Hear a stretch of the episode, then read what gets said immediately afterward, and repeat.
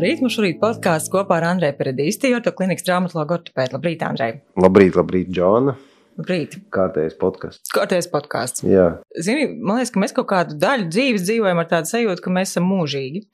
Un tagad mēs pamazām sākam piefiksēt sevī kaut kādas novecošanās pazīmes, tad mēs atskāršam, ka arī tas, kas pēc tam būs, arī attiecas uz mums. Un skaidrs, ka gribās gan 40, gan 50, gan 80 gados, lai tā dzīve ir kvalitatīva un lai tu jūties savā ķermenī labi. Bet, nu, Jā. dažādi. Bet tas, ko es domāju par vecumu, tā pirmā asociācija, kad domā, nu, teiksim, kādas problēmas radās, tas ir sāpes locītavās. Tas ir man pirmā asociācija. Un, ja cilvēkam, teiksim, dzimtā, ka viņš ir saskāries, ka vairākās paudzēs, tur, tur vecam tēvam, mammai un vēl tur tantei, un varbūt kādam ir arī endoprotezēta locītava, nu, tad cilvēks vienā brīdī, tā, ka viņš apzinās, ka tas varētu draudēt arī viņam, viņš varbūt aizdomājās. Vai ir kaut kas, ko var darīt? Ka šodienas tēma mums ir par to, vai un cik mēs varam darīt, lai izvairītos no osteoartrīta. Mm. Jā, tāda filozofiska tēma. Tāda filozofiska, protams, tēma, bet nu, varbūt tomēr tas ir iespējams. Kaut, vismaz kaut kādas darbības. Es skaidrs, ka droši vien kaut kas ir jau ielikts iekšā. Bet, zināmā mērā, pirms var, mēs, varbūt mēs sākam, es esmu arī pamanījusi, ka cilvēki jauc tēmas osteoartrīts un artrīts.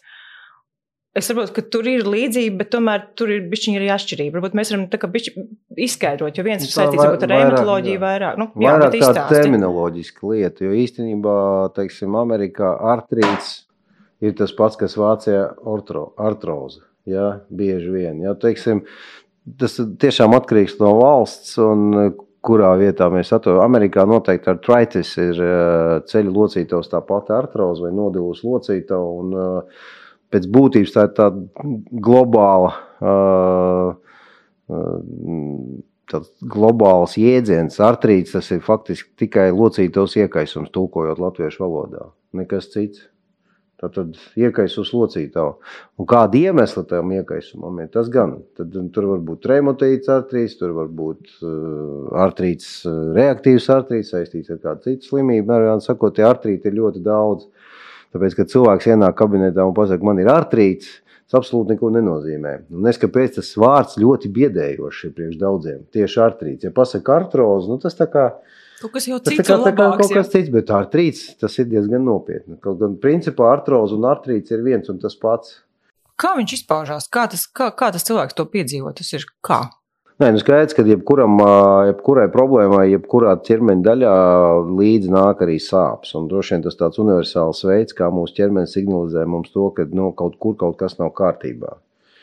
Jo, tad, bieži vien cilvēki pamana, kad locītavās ir nu, sākotnēji ir kaut kāds neliels diskomforts, kas nu, faktiski ir tās pašas sāpes, tikai mazākas pakāpes. Ja? Un tad, ja, ja, tas, ja tas tā notiek, tad principā ir pareizi tomēr ieklausīties savā ķermenī. Un iespējams, ja tas turpinās ilgāku laiku, arī varbūt arī sākt kaut ko risināt. Tā kā pie artrītiem nu, dabiski viņi var būt ļoti kroniski, tādi, kas sākās ļoti lēnām, pakāpeniski, cilvēki adaptējās, pierod, nu, citreiz pasāp un pasāp pēc slodzes, nu, kas principā ir normāli, vai ne, ka locītavs vai muskulis pasāp pēc locītavs, pēc slodzes, ja, bet, eh, bet eh, mēdz būt arī situācijas, ka tas notiek vienā, vienā rāvienā, teiksim, sekundes laikā tev mainās dzīve par 180 grādiem, ja tev noplīst, nezinu, tur menisks un tu tā noplīst, ka tu noķīlā locītavu, tu tikko biji vesels un eh, nākamā brīdī tu esi slims. Vai mēs te varam izdalīt, izdalīt osteoartrītu kā, kā vienkārši locītavu nodilumu, kā atsevišķu, vai to tā atsevišķi izdalīt? Varam izdalīt, jā, osteoartrīts faktiski Latvijā to, nu, bet arī ne visur. Ja mēs skatāmies, tad nu, mums nav tāda vienota droši vien viedokļa vai vīzijas par to, kā mums būtu pareizi, bet osteoartrīts absolūti adekvāts vārds, lai nu, nosaukt to, nu, tieši, tieši locītos nodilums tā arī varētu būt, kad tas ir osteoartrīts. Es pieņemu, ka viss. Gan kas... artroze arī pareizi. Arī, jā. jā. Bet es domāju, ka vi... Nu, nebūdami mediķi, es vienkārši saprotu, ka tas, kas ir vairāk saistīts ar tādām reumatoloģiskām saslimšanām vai autoimūnām, kad rodās tie iekaisumi un diezgan tā nekontrolēti, ka tur droši vien mēs pārāk daudz nevarēsim ieteikt, ko darīt un kā no tā izvairīties. Es saprotu, ka tieši šis uh, osteoartrīts ir kaut kas, ko mēs varētu varbūt tajā, tajā dzīvesveidā ieteikt. Ir jēdziens tāds sekundārs un primārs. Ja tad, uh, principā, pie reumatīdiem artrītiem attīstās sekundārs osteoartrīts. Tas nozīmē, ka iemesls ir viens. Un tāds, kas notiek tā iemesla dēļ, ka cilvēks vienkārši noveco, tas ir tāds klasisks, idiopātisks vai uh, primārs osteoartrīts, kad cilvēks vienkārši nu, noveco. Locītavs līdz ar to arī. Tad par šo lietu mēs varam runāt. Tad par šo mēs arī principā par to mēs arī varam runāt. runāt jā. Jā. Ir kaut kādas tādas, nu, kas ir saistītas gan ar vecumu, gan ar dzīvumu, ko mēs varam, nu, teiksim, nevaram ietekmēt, kad ir kaut kāda nu, ir viegla korelācija. Jā, tur kam, kam biežāk, teiksim, gūžas locītos dilst, kam biežāk dilst ceļu locītos. Nu, vispār locītos apakšējām ekstremitātēm dilst biežāk. No Visiem visām cilvēkiem. pārējām locītavām, teiksim, pleci noteikti daudz retāk, bet, nu, droši vien, ka pleci var ievietot trešajā vietā. Pirmajā vietā noteikti ir gūžs locītavs. Kaut vai tā iemesla dēļ, ka droši vien tā slodze viņam ir daudz koncentrētāka un lielāka. Tās ir tāds šarnīra veida locītavs. Un uh, Viņš bieži saistās arī ar problēmām mugurkaula jostas daļā. Tad, tad, nu, tas viss velk viens otru līdzi un cilvēkam dabiski.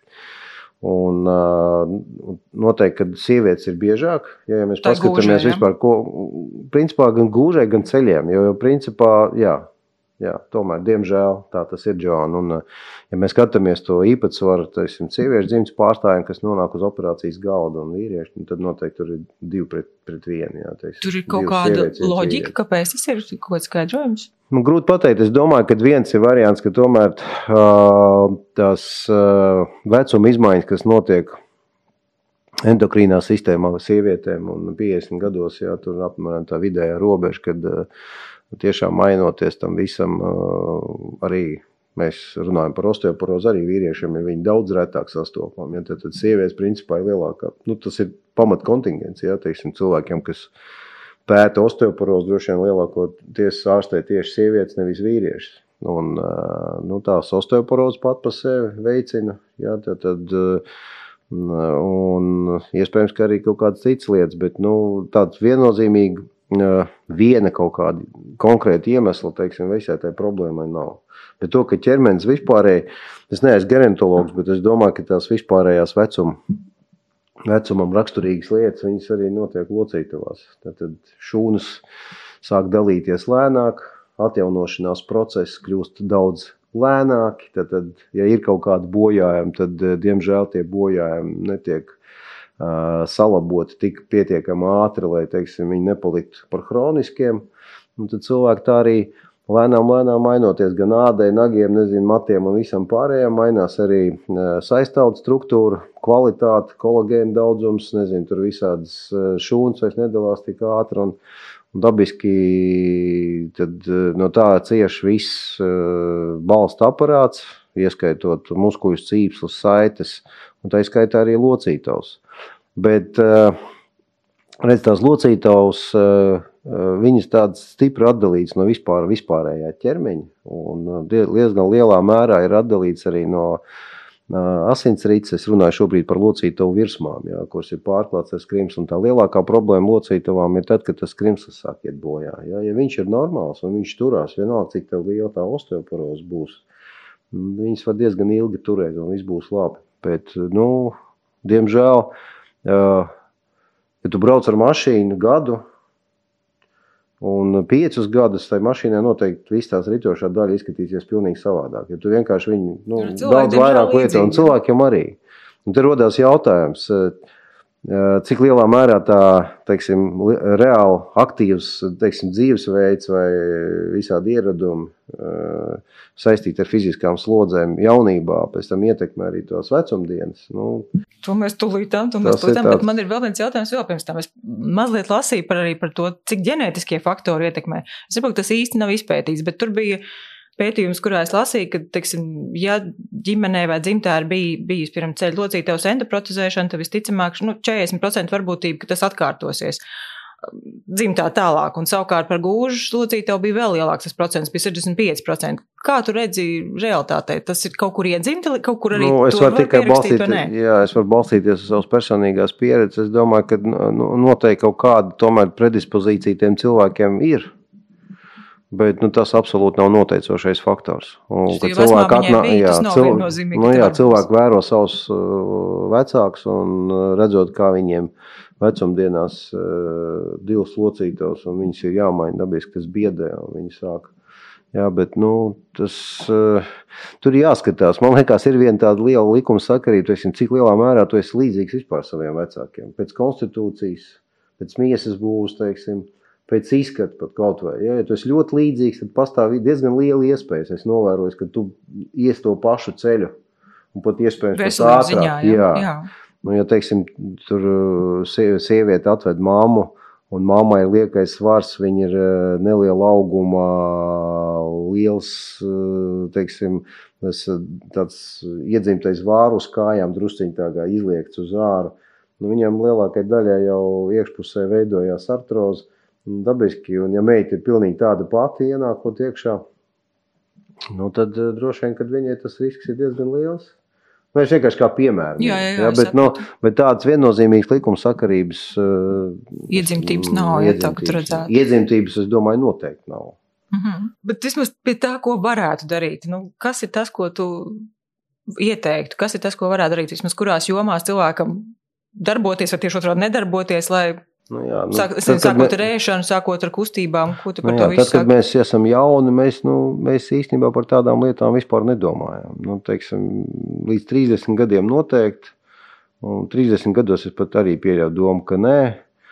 Ja tev nav tāda pārāk liela saskarsme ar cilvēkiem, kas ir vecāki, Tu tur neklausies, ko viņi stāsta viens otram. Parasti jau nedalās. Un arī neklausās. Savā, un arī neklausās. Es sevi atceroties, man liekas, ka nu, cilvēks 50 gados tas ir stipri vecs cilvēks. Un, ja tu man prasi, ko var darīt, lai nebūtu, nu, es domāju, ka nevajag pārspīlēt.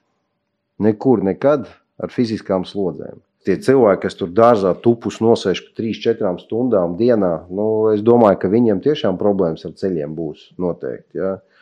Un uh, mugurkaula jostas daļa. Kas, nu. kas tur notiek? Kas, kāpēc? kāpēc tā prognoze ir tāda? Jo? Klausies, nu es domāju tā, ka princips ir ļoti vienkārši visiem audiem, vispār no materiāls, no kura mēs esam veidoti, pārsvarā tie ir saistāudi.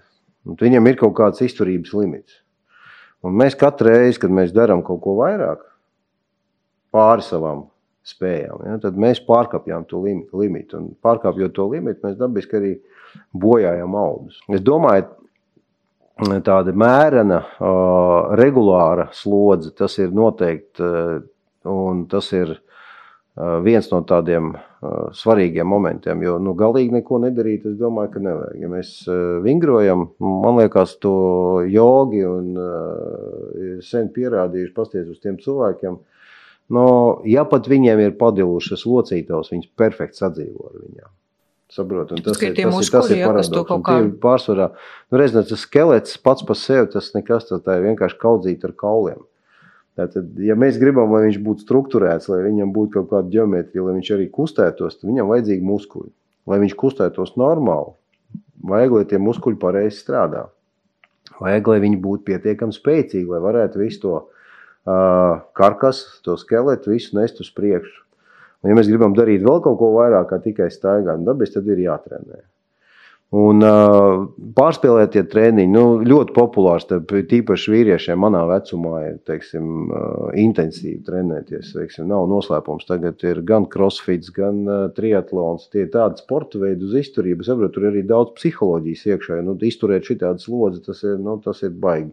Jā, ja tu viņus izturēsi, tas ir gandrīz vai tā, ka tu būtu Everestā zinu, uzkāpis. Mm -hmm. Ja tur noskriet Ironman, es nezinu, tas ir 8 stundas vienkārši nežēlīgs lodzi.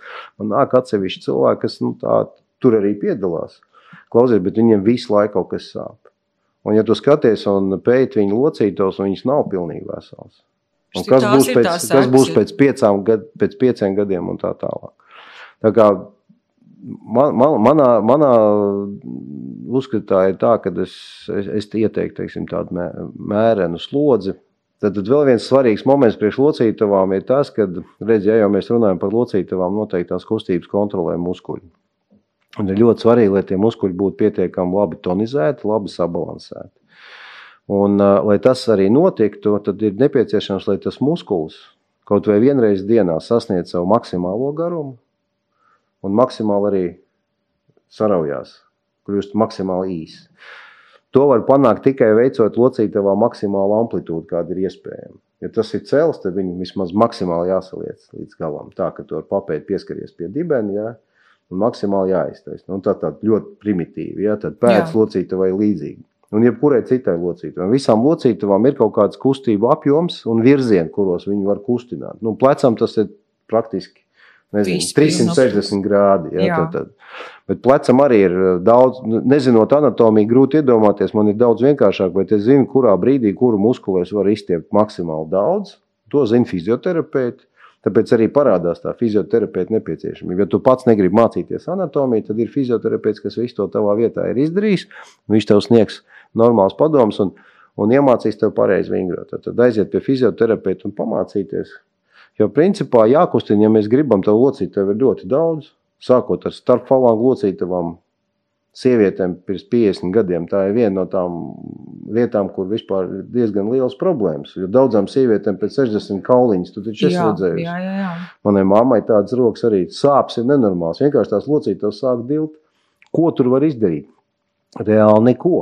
Tu vari tikai mēģināt, varbūt jau preventīvi sākt laicīgi visu kustināt, bet nu, tā tas ir. Un, ja pat tā arī locīta to nodils, un tas process, ko mēs bieži vien nevaram kontrolēt, tad tu kaut vai normāli varēsi ar viņu nu, sadzīvot. Un viena no lietām, kas ir liekais svars, kas ir ļoti populārs, populāra tēma mūsu laikos, jo cilvēki tiešām nu, viņi pārtikuši, viņi, var, no, viņi tiek pie ēdiena, jebkurā brīdī, kad viņi atver leduskapu un viņš ir paēdis. Cits saka, es vispār neko neēdu, tad pašā laikā tas svars pieaug. Ok, ja tas tā ir, nu, tad trenē muskuļus. Un vai tas muskuļu aparāts, ja mēs runājam par svaru, ir atbilstoši tavam svaram? Jo lielākā daļa no tiem, kam ir liekais svars, viņiem jau nav muskuļu. Un tad, un tad ir rodās tā problēma. Ja tev ir 140 kg, teiksim, tu pilnīgi mierīgi, tad tev ir jātrenējas daudz. Jā, tu vari pieaugt svarā, bet tev arī atbilstoši spēcīgiem muskuļiem. Ja tev ir vāji muskuļi un, un, un lielais svars, nu tev celim un gūžai ir nenormāls slodzi. Un tā slodze ir eh, principā lielā mērā atkarīga no tā, cik labs ir muskuļu aparāts. Ja, teiksim, jo spēcīgāk muskuļi, jo mazāk slodze ceļu locītavai, tīpaši tās priekšējai daļai, kur visbiežāk arī dilst. Un tad ir tās sūdzības par to, ka nevar pa kāpnēm nokāpt, slīpās virsmas priekš cilvēku sagādā problēmas aiziet kalnos un tad nones lejā beigās. Uzkāpt varēja, bet nokāpt nevarēja. Bet vidē mēroga cilvēkam, kurš eh, baidās no smagām, teiksim, maskustīgām vecumdienām, tad es domāju, ka ir vērts par to iedomāties jau kādos 30 gados. Parasti tas, tas posms, kad pārstāja vingrot, ir no 30 līdz 40, ja, kad tu esi Tāpat daudz sportojis. Nu, tā kā viss ir labi, tu tagad, tā kā tev jaunai, tad parasti tur precās, tad ģimenes, tad tur darbs, un tad, tad, tad, tad 40 gados pēkšņi gadā, oi, man tāds vēderiņš ir priekšā, skaties, tagad tā kā vajadzētu tā kā smagāks palikt, paskriet, vai es nevaru tik labi sāk sportot. un tu bieži vien aizraujās tik tālu, ka sāk sportot no sākuma vienkārši paskrienās, tad maratons, tad vēl kaut kas, tad Ironmans, un tad Un tad, tad ir, sabeidzis tās locītājs. Un tad ir, tad ir citas problēmas. Jā. Tad, tad būtībā, ja mēs tā rezumējam, tad tā ir mērenība visā, gan ēšanā, gan kustībās, visu to ievērojot. Mans princips vispār dzīvē. Ir mērenība. Ir zināma askēze visā. Un tāpat laikā darīt. Jā, nu jāprot kaut kā, kaut, nonākt līdz kaut kādai robežai, nekāpt viņai pāri. Es domāju, ka noteikti, eh, ja runiet par vingrošanu, tas ir to pašu fizioterapiju. Mēs ļoti populāri fizioterapiju, ļoti daudz fizioterapijas, bet, zin kā, nevajag pa daudz Cik es esmu novērojis, kad arī citreiz pēc operācijām cilvēki nu, šausmīgi ātri grib atvesaļoties. Viņam ir sajūta, ka, nu, ja viņš neies tagad katru dienu pie fizioterapeita vai pats nevingros katru dienu desmit stundas pēc kārtas, viņš nebūs rezultāts. Cik dīvaini tas nebūs, bet rezultāts būs vienalga. Lielā mērā tas ir. Nu, Māma daba. Jā, un tu, jā, absolūti. Un tu nav tā, ka tu, un es cik es neesmu redzējis tādas, kas to pārmērīgo fizioterapiju sagādā sev problēmas nonāk pilnīgi otrā galējībā kaut kādā. Pārpūlē, sa samok, iekaist. Tādi gadījumi ir bijuši. Es ceru, ka mēs kādreiz izdomāsim, kā cīnīties ar, ar artrausu, bet diemžēl nav ne brīnum tabletes, nav ne brīnum vielas. Viņas vienkārši nav, neeksistē. Paldies tev atkal Paldies. šoreiz. Okay. Atā. Atā.